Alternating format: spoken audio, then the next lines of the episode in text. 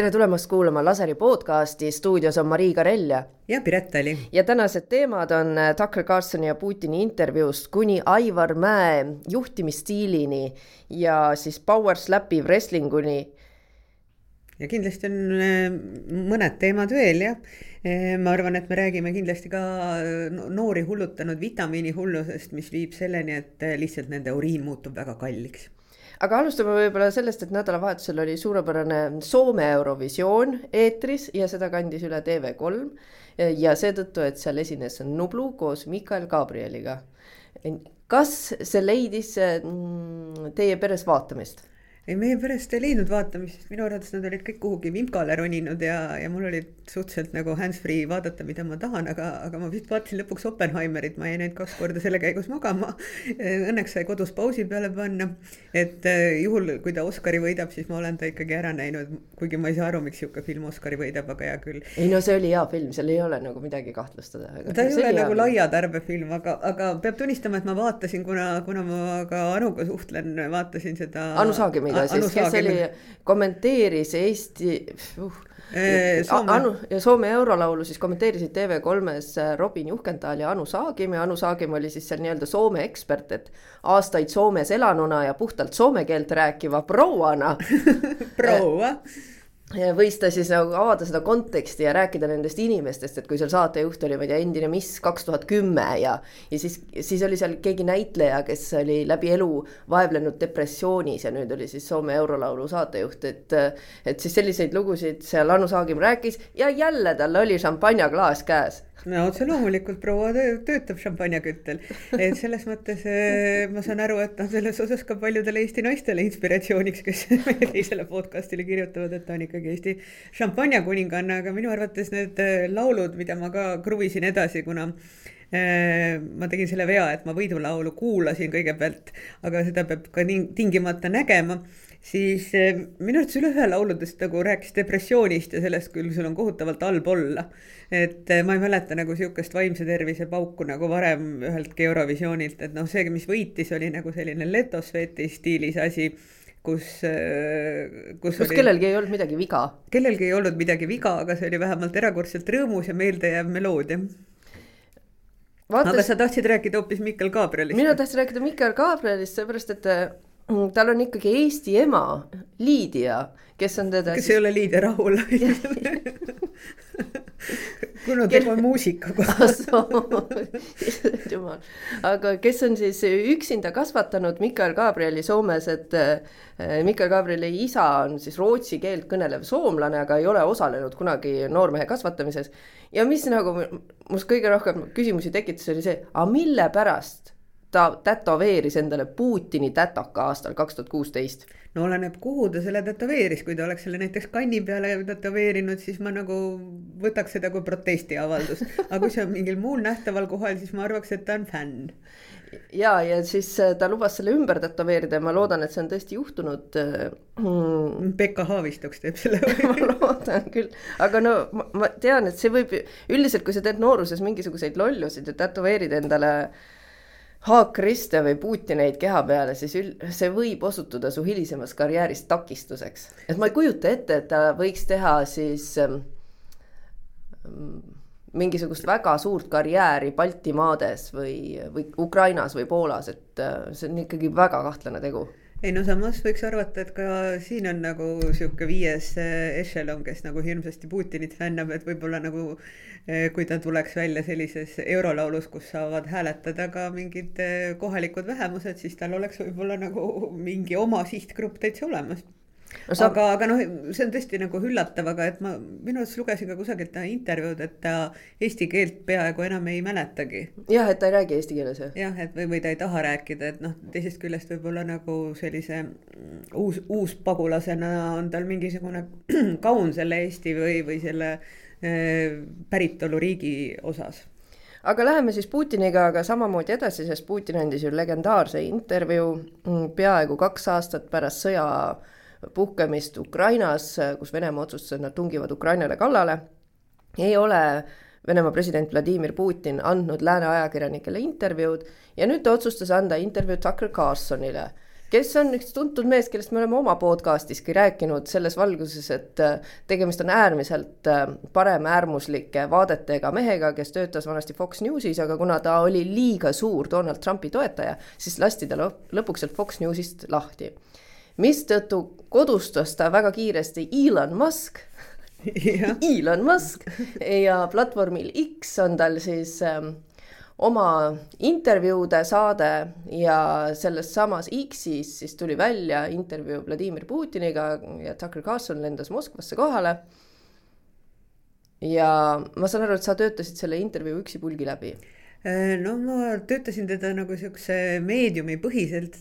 ma alustasin kõigepealt tema vaatamist siis äh, Tiktokist, et noh, mul oli teatud raskusi sellega, sest äh,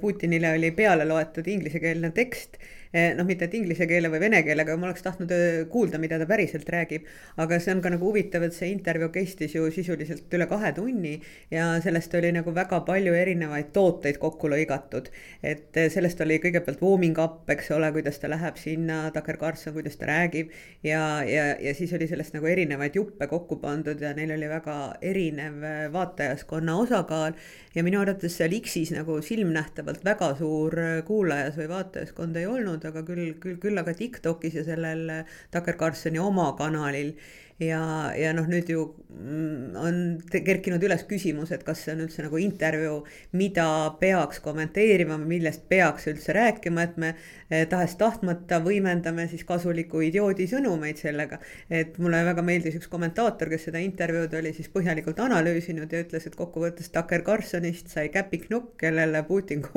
torkas käe tagumikku ja liigutas teda täpselt nagu tahtis. ja, ja tema eesmärk ikkagi oli kõnetada Ameerika presidendi presidendivalimiste ajal seda Ameerika vähemust, kes siis valib või enamust, kes siis tahab Trumpi valida, et need lõpetaksid toa- äh,, Ukrainas sõja toetamise. et siis ukrainlased jääksid ilma relvadeta ja, ja näeksid, et tegelikult Putin võiks laksust lõpetada sõja, kui ta tahaks. et see ongi nagu küsimus, et miks oli Vladimir Putinil see intervjuu vaja anda ja et kas siis tõesti sellepärast, et siis äh, mõjutada neid ameeriklasi, kes veel kahtlevad, kas ma peaks Donald Trumpi valima või mitte. ja näed, meil on siin oma äh, sõnumiga mees, Tucker Carlson on rääkinud äh, algusest peale, et äh, Ukrainat ei tohiks toetada äh, sõjategevuses ja et Ameerika peaks sellest kindlasti äh, hoiduma. seetõttu oli hea turvaline talle intervjuud anda, et ta noh, Donald Trumpiga astub ühte jalga, on ju aga on ka noh, vaieldud vastu sellele, et noh, see asjad ei ole nii lihtsad, et kindlasti seal on mingisugune nipp veel taga, no ma ei oska öelda, mis see nipp võiks olla, aga küsimus on, noh, ma ei, ma ei tea, et kas sa, sa oled töötanud aastaid ajakirjanikuna, kolmkümmend viis aastat on ju, kui sul on võimalus teha Vladimir Putiniga intervjuu, kas sa teed? Ma ei saaks sellest võimalusest keelduda ajakirjanikuna, sest see tundub nagu liiga ahvatlev, aga et noh, seal on küsimus ka selles, et kui palju on tegu sel juhul nagu propaganda tööriistaga, kui palju see intervjuu on lavastatud. et noh, kokkuvõttes ka oleks võinud see Tucker Carlsoni intervjuu olla nagu veel äh, halvemini kokku mängitud, selles mõttes, et oleks olnud nagu kokku lepitud äh, küsimused, millele vastatakse, aga noh, see intervjuu ikkagi väljus totaalselt tema kontrolli alt, et Putin äh, hakkas pidama seal pikka ajalooloengut, mis kokkuvõttes keskmisele ameeriklasele absoluutselt ei lähe korda, et kes on Jaroslav Tark või, või kes on Bogdan Hmelnitski või miks Ukraina peaks juba ajalooliselt olema eh, Venemaa osa, sest eh, mingi mapp mingite dokumentidega anti Karlssonile üle, et, et tema need sõnumid võiks korda minna venelastele, et see meenutas mulle minu kuuenda klassi ajalootundi Eesti NSV koolis, kus tegeletakse Vene riigi ajalooga. väga hea võrdlus, aga ma arvan, et seda ta teebki selles mõttes, et ameeriklased, kes ei tea absoluutselt mitte midagi Venemaa ajaloost. aga neid ka ei huvita absoluutselt see. ei no aga siis see ongi see ainus asi, mis neile meelde jääb ja siis nad, aa, võib-olla tõesti Ukraina peaks kuuluma Venemaa koosseisu võib-olla kõik Balti riigid peaksid ka, kuna neil puudub absoluutselt igasugune taustateadmine, mis siin enne olnud on, on ju. no aga ameeriklased on, ma arvan, ignorantsed nii Euroopa kui ka kõikide muude riikide ajaloo suhtes absoluutselt, et noh, enamik neist ei ole võib-olla isegi kõrvalosariigis käinud. et, et, et noh, nendele mingisugused ajaloo finessid ja noh, Putin on selliseid kõnesid, kus ta nagu kirjutab ajalugu ümber, pidanud ju korduvalt, et noh, tundub nagu ta oleks võtnud mingi kõnetooriku ja samas tundus ka, et Tucker Carlson ei olnud nagu eh, väga põhjalikult Ukraina ajaloo ajaloo osas ennast ette valmistanud, sest ta ajas nagu erinevaid ajaloosündmusi, mis on toimunud sellel sajandil eh, omavahel segamini, et kas tegu on kahe tuhande neljanda või kahe tuhande neljateistkümnenda aastaga. minu arust no, võiks alustada sellest, et Tucker Carlson ei ole enam ajakirjanik jah, et, et ta küll järjekindlalt nimetab ennast ajakirjanikuks, aga ma arvan, et see on sama hea, kui öelda, et Urmas Espenberg on ajakirjanik, kes on EKRE-s aastaid teinud uusi uudiseid või siis nüüd on uusi uudiseid äh, järjepidevalt toodab äh, Aivar. Mäe ei. Aarne Mäe, Aarne Mäe, kes oli Virumaa Teataja peatoimetaja aastaid ja Virumaa Teatajas, kui minu esimene praktika oli, eh, siis Aarne Mäe oli seal staarajakirjanik, aga nüüd on ta propaganda tööriist. ta on propagandist ja samamoodi on Tucker Carlsoniga ka, ta ei ole ju erapooletu ajakirjanik sest noh, minu jaoks nagu läheb nagu totaalselt juhe kokku kogu nende parempoolsete sõnumitega, mida erinevates Tucker Carlsoni intervjuudes Elon Musk'i ja, ja, ja Trumpi ja, ja kogu selles masinavärgis nagu tundub nagu vabrikus toodetakse. et see on nagu uskumatu, et kuidas nagu Ameerika meedia ja parempoolsed saavad nagu nii ühel meelel olla Putiniga mingisugustes liberaalsete väärtuste sõimamises ja, ja mingid LGBT ja liberaalid ja lääne ja demokraatia, et kõik saavad nagu kogu aeg niimoodi puid alla, et noh, halb hakkab. aga kas, kui sa kuulasid seda intervjuud, kas sul tulid nagu mingisugused jutupunktid äh, tuttavad ette, et ma mäletan, kui me tegime Aivo Petersoniga lugu, et siis tegelikult tema intervjuud tehes olid need Moskva jutupunktid äratuntavad. Ja paremäärmuslikud on väga osavad äh, erinevatel sotsiaalmeedia platvormidel, kus nad mõjutavad noori inimesi ja et kui äh, suhelda erinevate noortega, et kas siis need äh, küsimused on samad, mida varem me oleme mingites sotsiaalmeedia postitustes näinud ei no need küsimused on muidugi samad selles mõttes, et kas sa tahad, et sinu lapsest kasvaks homo, kas sa tahad edasi tulevikus süüa putukaid, kas sa oled mingisugune liberaal, eks ole. noh, et kogu see mõnes mõttes nagu vihakõne teistsugususe vastu, et ma viimasel ajal ei saa isegi rahulikult teatris käia, sest noh, see Eh, etendus, kus ei oleks Haakristi lippu lava peal, neid on juba jäänud Eestis vähemusse, sest nagu kõik lahendavad sedasama temaatikat eh, mõnes mõttes, et on nagu tohutu parempoolsuse võidukäik. Et kuidas nagu sellele panna piir ja, ja noh, ikkagi mõnes mõttes on ikkagi valus, kui sa istud Draamateatris. ma Mephisto etendus äkki oli, kus terve nagu teine rõdu kattus mingil hetkel Haakristi lippudega, ma saan aru, et nüüd kabareed vaatama minnes oleks täpselt sama asi, et ilmuvad käesidemed lavale ja ja noh, mõnes kohas on need ka nähtamatud, aga aga noh, ilmselt on see ikkagi nagu äh, õhus ja, ja see on nagu suhteliselt äh, veider ja pöörane. et äh, äh, noh, diktaatorit intervjueerides tekib ka küsimus, et miks me võimendame tema sõnumeid sellega, et me seda edasi jagame, et me sellest räägime. et võib-olla praegu on ka sama asi, et mingi inimene, kellel pole õrna aimugi, et sihuke sündmus toimus. nüüd ta et, läheb ja otsib üles selle. Läheb ja otsib ülesse ja noh, võib-olla ta ka jääb õlgu kehitama ja mõtlema, et võib-olla see sõnum ei olegi nii halb. ma just mõtlesin, et huvitav, kui oleks saanud äh, võimaluse intervjueerida Vladimir Putinit, et kas sa oleks käerauad kaasa võtnud või et kuidas nagu selles olukorras käituda, et. et no mis kas, oleks kas... nagu kolm teravat küsimust, mida sa oleks Putinile küsinud, Aivo Peterson muide pakkus sulle. aa, no vot, me, me võiksime workshop ida, et mis need kolm teravat küsimust on, mis me küsime, et äh, miks ah, no, mul ei tule no, ühtegi no, küsimust pähe niimoodi. Kannel ühe küsimuse kunagi suutis küsida no,. ja minu arvates ka mingi Foxi ajakirjanik, kes analüüsis seda Karlssoni intervjuud ka, ütles, et on võimalik küsida Putinilt ka teravaid küsimusi, mis ei ole kokku lepitud, sest noh, tema puhul jäi kogu aeg nagu õhku see, mida ta ka ise rõhutas intervjuu käigus, et kas meil on nagu talk show või meil on nagu tõsine jutuajamine. et ma ei saanudki aru, et kumbas nad siis nagu olid kokku leppinud et, et ainus nagu terav küsimus, mida noh, nad ei küsinud midagi, et noh, kas, kas sa oled sõjakurjategija, kuidas on umbes äh, noh, et paljudes riikides oleks sa tagaotsitav ja sind pandaks vangi või teid pandaks vangi, eks ole. ja, ja, ja kuidas on siis Venemaal inimõigustega ja, ja, ja nii edasi ja nii edasi, aga et noh, ma ei kujuta ette, et mis vastused siis nagu selle peale oleks tulnud, oleks jälle tulnud mingisugune tohutu ajaloo ümberkirjutus või mis oleks need küsimused, et kui Aivo Peterson oleks veel vangist vaba ja ta oleks korraldanud kohtumist Putiniga, mis küsimusi oleks Mari Igaril küsinud? ei, ma arvan, need olid väga head küsimused, ma täiesti jääks su nende küsimuste juurde, et eh, miks suur osa venelastest elab vaesuses ja samal ajal kulutatakse terve suur hulk miljoneid äh, siis äh, sõja peale.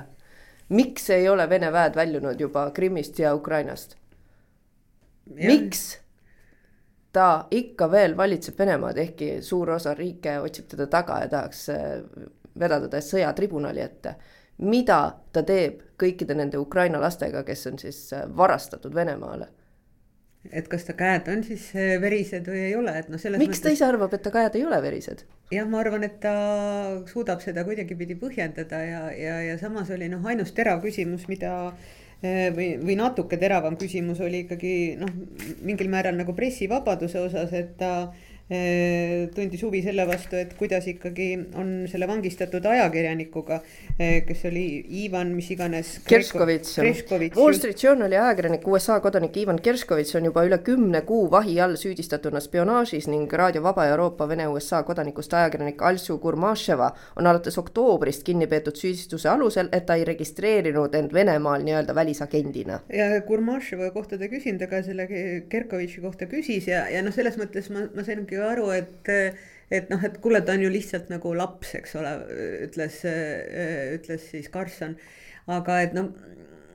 et kas see nüüd nagu rääkis sellest, et, et ei ole Venemaal pressivabadust ja, ja pannakse ka lääne ajakirjanikud seal kinni ilma mingi põhjenduseta, et kas siis käivad läbirääkimised tema vabastamiseks või, või siis ei käi ja ja, ja noh, siis nagu huvitav osa oli ka see, et miks ta küsis siis Poola ja Läti kohta et kas, kas neid rünnatakse ja Nord Streami kohta. et, et kes siis selle Nord Streami õhku lasi ja, ja, ja või, või ründas, et, et siis ka küsis Putin vastu, et kas sa olid sel päeval nagu ise vaba või ei olnud, et noh no ma ei tea jah, et kes sellest nagu kõigest nagu rohkem võitis, kas siis Venemaa näitas ennast avatud läänemeelse riigina, kelle eesmärk oli siis eh, Trumpi valijaid kõnetada või siis ka ühtlasi taheti mängida mingil määral sellise, sellise, sellise üldise parempoolsusega ühte väravasse. Ma arvan, et see on enam kui kindel, et kui me oleks kuidagi tunginud sinna Vladimir Putini intervjuule, siis me ei oleks tagasi vabasse Eestisse pääsenud. et yeah. igasugused ähm, ikkagi Moskvas käigud ajakirjanikele tänapäeval on selgelt kokku lepitud ja, ja selgelt ähm, siis Kremli kureeritud just, aga noh, kas Ungaril on ka mingisugused huvid koos Orbaniga siis endiste Ukraina alade suhtes, tekkis ka minul küsimus selles osas, et no jaa, aga võib-olla me pühendame siin igasugustele ahveristidele ja sõjakurjategijatele liiga palju tähelepanu, et lähme lihtsate löömameeste peale. Lähme lihtsate löömameeste selle nädala laseris me räägime sellest, et on World Wrestling Entertainment on väga populaarne ja me kaevasime Eestist välja kaks meest, kes reaalselt siis Eestit käivad esindamas erinevatel wrestling'u võistlustel. Ja wrestling, kes ei ole veel näinud, on selline Youtube'ist mingi tohutult laineid lööv asi, mida vaatavad äh, väga paljud alaealised, väga paljud noorukid fännavad seda, et äh, elavad kaasa, teevad Discordis koos äh, wrestling'u matšide vaatamist. Ja siis ähm, justkui kostüümides kaks tegelast tulevad wrestlingu ringis kokku, mis on veidi pehmem kui poksiring ja hakkavad üksteisele siis. kütma erineval moel erinevate asjadega molli. jah, ja lihtsalt mm, peksma üksteist, loopima sealt wrestling'u ringist välja, siis äh, väga populaarne on ronida redeli otsa ja sealt vastane alla kukutada. ja siis lüüa mingi piknikul laud teise inimesega katki, et sa pead nagu kellegi sinna seliti peale lööma, et see laud kukuks kokku ja, ja siis pool sellest võitlusest ka kandub edasi saalidesse ja, ja seda nimetatakse nagu mustadeks või dirty match ideks. ja see on death nagu. Match. Death match on ka, et, et selles mõttes jah, minu jaoks oli ikkagi nagu silmi avav see video, et mingis Põltsamaa mingis kohas mingil kinnisel üritusel toimus matš, kus siis eestlane Mikk Vainula võitles kolme Soome suure kolliga ja siis nad tümitasid üksteist mingisuguse vana autoparsa peal ja kõik olid jube rahul, kui kellelegi peldikupoti gaas pähe löödi ja Mikk ja Artur on siis kaks Eesti noormeest, kes tõesti wrestlinguga Eestis tegelevad praegusel ajal ja nad käivad. pro-wrestling või show-maadlused, mulle see termin meeldiks rohkem, sest ma arvan, et wrestling on niisugune nagu klassikaline maadlus, et. et see on ikka nagu mingi olümpiaala, millel ei ole selle nagu suure show'ga, kus liigub nagu miljoneid vaatajaid ja miljoneid dollareid nagu tohutult äh, palju ühist ei saa olla, et. et ma arvan, et Logan Paul ja olümpiamängud on nagu kaks täiesti erinevat asja ja aga need eestlased siis, kuna siin ei ole veel wrestlingu trenne, siis nad käivad Soomes trennis. Neil on sama treener ja nad selleks, et Soome trenni minna kord nädalas, läheb ikkagi väga-väga palju tunde kaduma ja siis ja meie loos esineb siis ka Keijo Amazing või Keijo Masing. või Keijo Korbe kes, kes siis wrestlingut ka tegeles Inglismaal ja on tänaseks lõpetanud ja tal on nagu väga selge sõnum, et et teate mis, et pead saab kasutada ka millekski muuks, on ju. et sa tegelikult, sa ei hakka igatsema oma elus selle järele, et sulle lüüakse tool pähe kinni ja et ühel hetkel sa saad aru, et su keha lihtsalt ei pea vastu aga et need äh, vigastused on siiski üsna metsikud, et kui see Mikk rääkis ka sellest, kuidas ta ühel hetkel ärkas haiglas ja ja ei mäletanud, äh, miks ta sinna haiglasse sattus. et ta, ma küsin, et aga mis siis võis juhtuda, siis ta pakkus kolm erinevat versiooni, mis olid kõik üksteisest äh, sama erinevad kui öö ja päev. kas ta sai millegagi pähe, et ta kukkus redeli pealt või no, ta, ta kukkus kusagil alla, jah? jah, et totaalne aga... black out, totaalne black out, aga see ei ole ajule eriti kasulik ja sellest VVE-st minnakse siis üks samm kaugemale veel, Youtube'is on selline populaarne aru nagu power slap, mis tähendab seda, et sa astud ringi ja lahtise käega virutad teisele täiesti just vastu põske. ja siis sellele vastasel on, tal ei ole käed seotud, aga ta peab hoidma selja taga rätikuga oma käsi paigal, sest et muidu sul tekiks automaatselt see refleks, et sa paned justkui midagi ette, et palun ära löö mind, onju. aga siis nad vapralt seisavad seal üksteise vastas ja siis lahtise käega virutatakse nii kõvasti vastu nägu, et see teine eh, lööb tuikuma ja kukub ümber, kaotab meelemärkuse ja see tundub täiesti ajuvaba, et miks sellega peaks üldse tegelema jah, see on nagu selles mõttes huvitav, et ma tahtsin sellele eelmisele teemale veel lisada, et noh, kui tundub, et tegelikult see wrestling või pro wrestling või showmaadlus, et see on nagu kokku lepitud, siis tegelikult on seal ikkagi olnud küllalt palju õnnetusi, et kuna ma olen viimased kaks kuud vaadanud väga palju wrestling'u videosid, siis ma leidsin ka üles selle, kus on nagu kümneid eh, juhtumeid, mis on seal areenil ja Dross on näiteks üks võitleja, kes eh, ühe valeheite järel siis äh, jäi kaelast saadik halvatuks otse areenis ja noh, neid, kes on nagu luid ja jalgu ja käsi ja pead ja kõike muid vigastanud, et see ei ole päris ohutu sport, nagu kõik noorukid, kes vaatavad, seda teevad. ja, ja siis ma ka vestlesin selles slap, power slap'is kodus eh, noore MMA võitlejaga ja, ja siis ta ütles väga solvunult, et tegu ei ole spordiga, aga et noh, see on nagu ka mingisugune variant, kuidas nagu üritatakse sihukest toorest jõhkrat vägivalda valada mingisuguse meelelahutuse vormi. Ja minu jaoks on see sama õudne kui kogu see parempoolsuse võidumarss. et noh, tundub nagu need oleks ühe sama asja nagu kaks poolt. maksimaalselt isane on selle asja nimi. jah, just, et, et noh, ma ei kujuta ka ette, et, et kus, miks, milleks, et kas noh, inimestel on nagu oma virtuaalreaalsuses nii pagana igav, et nad loodavad kusagil nagu laivis näha seda, kuidas veri pritsib. mulle tundub, et see on natukese ajanud segamini noortel selle küsimuse, et mis on päriselus ja mis on virtuaalelus, et kui me siin rääkisime, et näed, et Eestis toimus esimene influencer boxing, et noored lauljad läksid kokku ja hakkasid üksteistel poksima, siis see korraldaja oli nagu pisut solvunud pärast meie Lasertechis ilmunud lugu, kus me seadsime kahtluse alla, kas see kõik on tervislik, öeldes, et aga see oli ju professionaalne, nad kuu aega enne treenisid treeneri käe all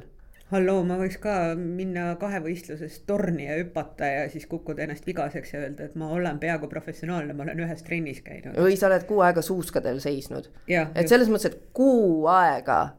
äh, ei tee sind kuidagi professionaalseks või siis ta teine argument oli, et aga meil on see meditsiiniteenus, meil oli siin kõrval, et meil oli väga professionaalselt korraldatud loomulikult sul on meditsiiniteenus kõrval, kui sa hakkad seal üksteisele lihtsalt suvaliselt luuki kütma ja pähe mingite asjadega taguma, on ju. et, ähm, et arusaam sellest, et need asjad, mis näevad ekraanil justkui lahedad välja, päriselus tekitavad inimestele vigastusi. minu arvates see piir oli lahtunud ja see oli kuidagi segamini läinud ja sealsamas selles Eesti poksivõistluses ju noh, tegelikult me ei tohtinud näidata kaadreid sellest, kuidas Lill Till löödi knock-out'i niimoodi, et see kiirabi siis käiski noh, päriselt ka action'is seal kohapeal ja turgutas teda, et tal nagu pilt ette tuleks. kusjuures eh, noh, see on nagu asi, millest sa ei saa ju kätt ette panna, et inimesed, kes seal kohapeal olid ja tundusid nagu A merejänulised B-purjus et nad seda ei filminud, et noh, needsamad videod, eks ole, et kas sa nagu loodadki, et siis mingi sinu jaoks äh, ikkagi oluline kuulsus nagu põhimõtteliselt sinu silma all äh, hakkabki, kukub kokku ja saab nagu haledalt molli. ja, ja noh, need inimesed, kes siis sõlmivad nende peale kihlvedusid, et noh, ma loodan, et umbes äh, keda nad seal lootsid, et äh, väike pede saab. varps saab ja väike pede saab, saab ja kõik saavad. kõik ja. saavad ja ma noh, et ähm, ke, kellele ja milleks, et sa, sa ei saa öelda, et see on nagu mingi süütu morsipidu. morss voolab ninast päriselt ja see ei ole, see ei ole ketšup Ameerika teadlased uurisid äh, mm, siis hokimängijate, MMA sportlaste, poksijate, siis jalgpallurite ja ka Ameerika jalgpallurite ajusid. Ja mm, äh, Need ajud siis olid pärit nendelt sportlastelt, kes olid surnud enne kolmekümne aastaseks saamist. Ja miskipärast oli siis nendel äh, omastel tekkinud kahtlus, et võib-olla äh, nende aju on saanud vigastada, et me annetame selleks teadustööks nende aju ja, ja üks äh, noormees, kes kirjeldas, kuidas ta näeb luulusid, ta näeb õudusunenägusid, ta ei suuda elada lihtsalt, tal kogu aeg peas toimub midagi. Äh, ta tegi ähm, sellise salvestuse iseendast äh, ja ütles, et isa, palun anneta mu aju sinna uuringutele ja siis tappis ennast ära. et ähm, need ajukahjustused on olnud nagu nii totaalsed, et väga palju enesetappe on juhtunud äh, selle tagajärjel, et aju on saanud kogu aeg mingisuguseid väikseid traumasid või paar suurt traumat ja siis oli kokku annetati siis sada viiskümmend kaks aju ja selgus et, et nelikümmend protsenti kannatas siis äh, CTE all, CTE all, mis on siis krooniline traumaatiline eh, mingisugune pinge, mis võib tulla sellest, et sa oled saanud eh, väikesest peale, viie-kuueaastaselt pannakse juba jalgpallitrenni, on ju poisid, väikesest peale hästi palju lööke pähe või et sul on juhtunud mingisugused paar siis suurt, suuremat obadust ja see äh, aju siis hakkabki selle tagajärjel justkui nägema mingisuguseid hallutsinatsioone või mingi õudus ja anxiety tuleb kogu aeg peale jah, samas võiks ju minu arvates kõige rohkem Eestis kahjustada saanud profijalgpallur on Raio Piiroja, et võib-olla peaks ta tomograafi vedama. aga seda ei saa diagnoosida kusjuures eluajal et no, selles mõttes on see, see on õudne haigus, et sa saad selle see, jälile. see tomograafia ei võta nagu ajukihtidesse välja. no ta võtab, aga vot seda, seda sorti haigust nad ütlesidki, et seda ei saa nagu eluajal äh, diagnoosida. Ma, ma, ma ei taha üldse saada kätte Raio Piiraja aju enne seda, aga et ma mõtlesin, et, et noh, ilmselgelt nagu sellised löögid ja sellised asjad äh, ei möödu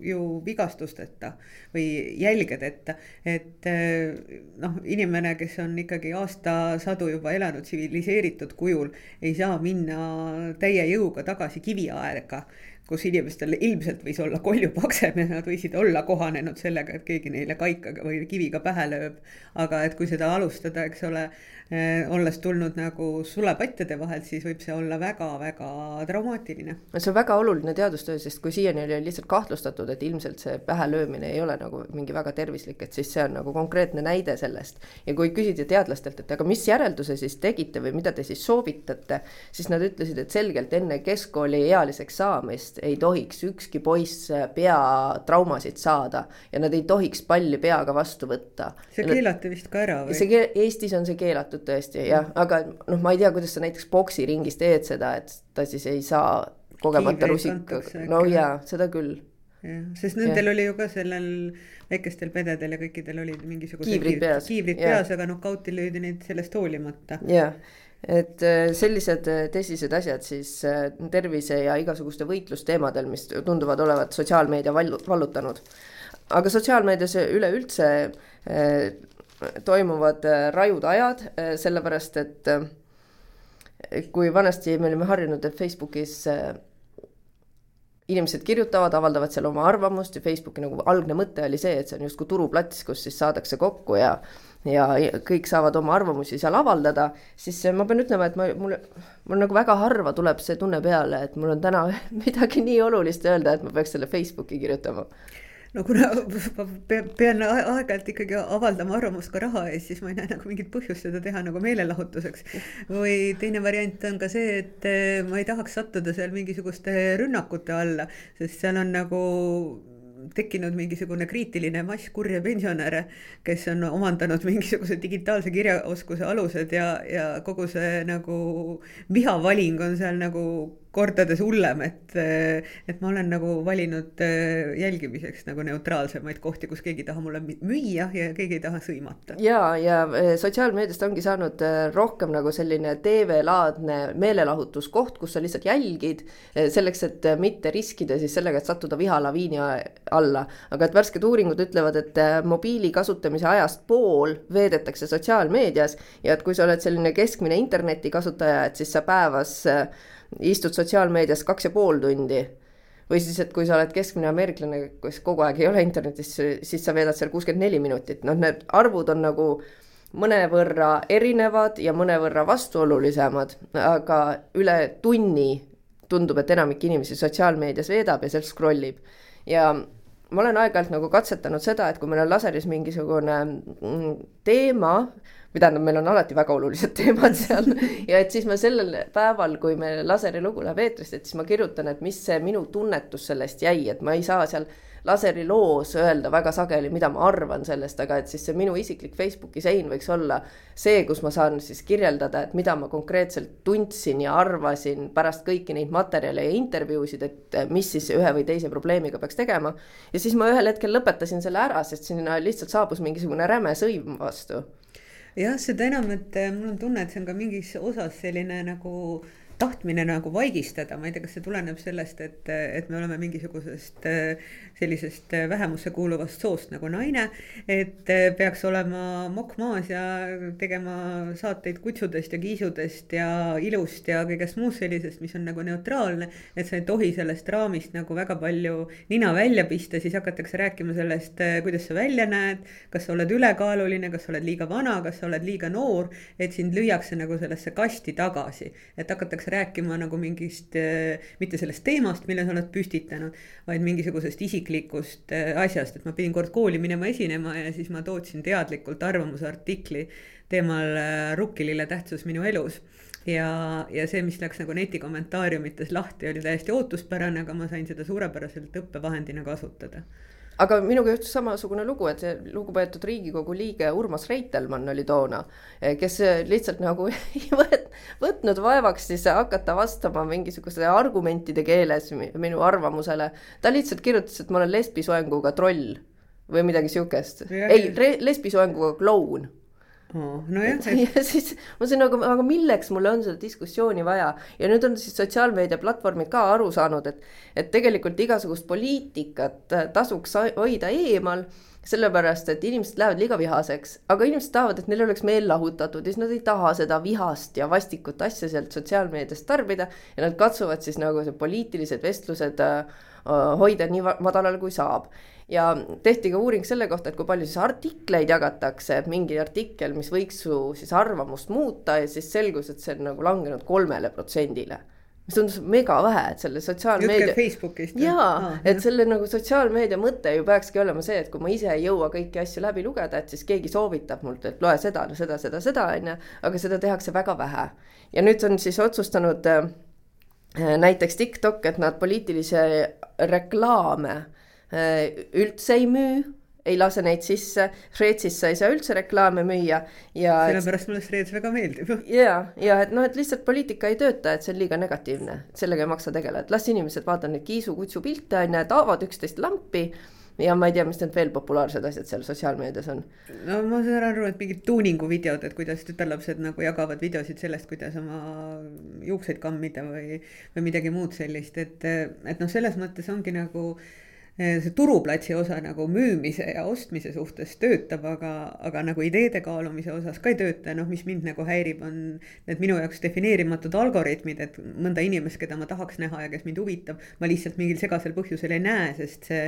algoritm mulle ei sööda teda ette ja ma pean teda nagu eraldi otsima. mis, mis teeb mind nagu tusaseks, et, et ma nagu ei saa aru, et need mingi kolm pool tuhat inimest, kes mul seal Facebookis on, et, et miks ma näen just neist need, neid, keda ma näen, eks ole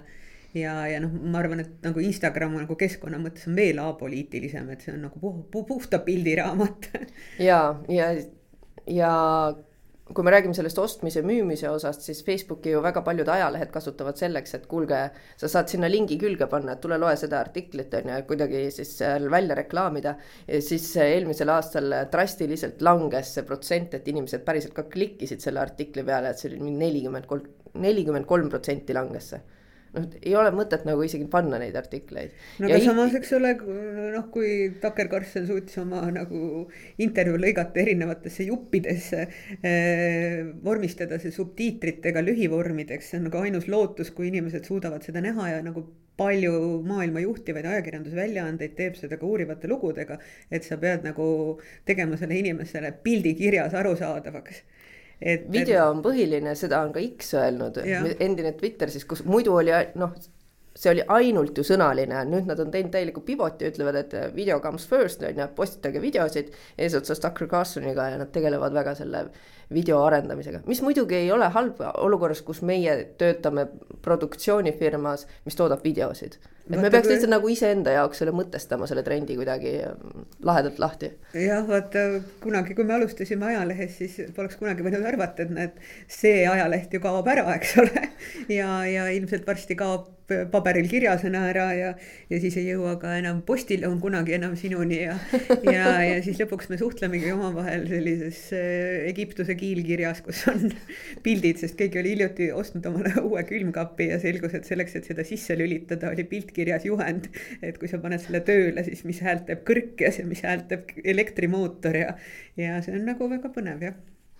aga läheme järgmise teemaga edasi ja selle nädala laseris me räägime Aivar Mäest ja tema juhtimisstiilist ja peab ütlema, et seda lugu oli äärmiselt keeruline teha. Ehm, Aivar Mäe looga me alustasime, ma arvan, augustis ja kuna Aivar Mäel on äh, nüüdseks olnud kaks kohtuasja, kus siis ähm, tema endised alluvad seavad kahtluse alla tema juhtimisstiili, siis ähm, me leidsime, et see on piisav põhjus uurimaks äh, lähemalt, et milles on siis kühvel, mis toimub ja äh, sa käisid teatri arhiivides ja kammisid läbi nagu uskumatul hulgal siis kollektiive, kes erinevatel aastatel on Aivar Mäe käe all töötanud no ma üritasin aru saada seda, et eh, kui palju on inimesi, kes on läinud eh, Estoniast selle aja jooksul ära ja ennem kui ma sain teada, et sa võid ka interneti ajaloos minna mingi programmiga tagasi ja näha töötajate nimekirju, sest ei Kultuuriministeerium ega Estonia ega Vanemuine ei andnud mulle töötajate nimekirju. ja siis ma sain aru, et on olemas eh, Teatrimuusika muuseumis teatrielu nimelised teosed, kus nad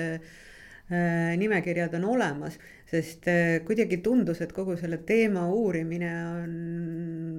nagu vastu tuult jooksmine. et äh, isegi kui sa jõuad mingisuguste inimesteni, siis äh, see, mis nagu selle Estonia teatriga toimus on kõigile olnud nagu piisavalt valus, et keegi ei taha sellega enam tegeleda, ta ei taha puutuda, ta, ta ei taha, et teda nagu taasohvristataks, sest noh, me ju mõlemad kohtusime ka hulgaliselt inimestega, kes pärast enam intervjuud anda ei tahtnud me kohtusime, me rääkisime, me vahetasime kirju eestlaste, välismaalastega, sest et Estonias ja ka Vanemuises on väga palju äh, välismaalasi, kes on tulnud siia siis mingiks, äh, mingiteks aastateks, et äh, siin oma karjääri arendada. Ehm, me rääkisime meestega ja naistega ja naiste osas meil ongi nagu täiesti nulliring, sest et ükski naine ei ähm, julgenud tulla kaamera ette. ja kui ma küsisin siis advokaadilt, kes kaitses ühes kohtuasjas Jelena Skulskajat, et et miks naised ei tule või mida kardab näiteks Jelena Skulskajast, ütles, et aga see on lihtsalt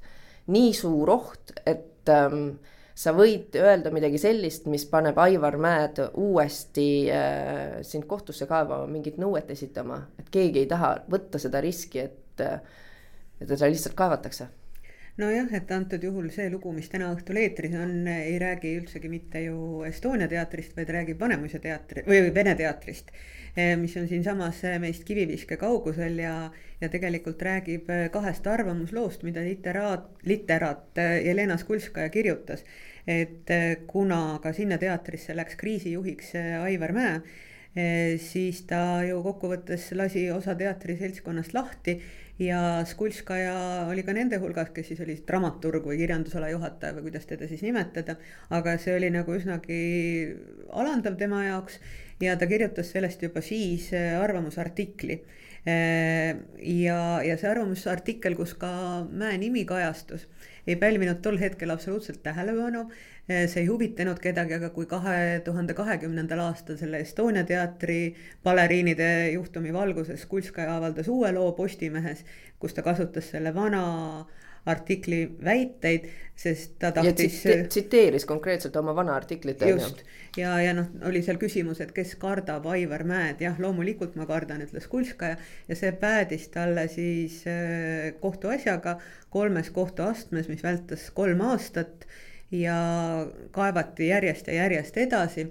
ja, ja siis, kui meediat jälgida, siis tundus, et see oli Skulskaja, kes pidi vabandama Äh, aga noh, fakt oli selles, et äh, tema arvamusloos oli välja toodud kolmteist väidet ja vabandas ta kolme eest. ja see juhtum on väga keeruline, mm, üldse kohtuasjad on väga keerulised ja meie ka siin peame olema väga ettevaatlikud, et mida me räägime, milliseid sõnu me kasutame, sellepärast et kes karda, kardab Aivar Mäed, tähendab ka natukese seda, et kes kaida, kardab Paul Kerest, kes on eh, Eesti üks tuntumaid advokaate ja kes on Aivar Mäe kaitsja. ja kui me see Aivar Mäe lugu tehes, me küsisime kommentaari nii Aivar Mäelt kui Paul Kereselt, siis äh, nad keeldusid, nad ei soovinud ähm,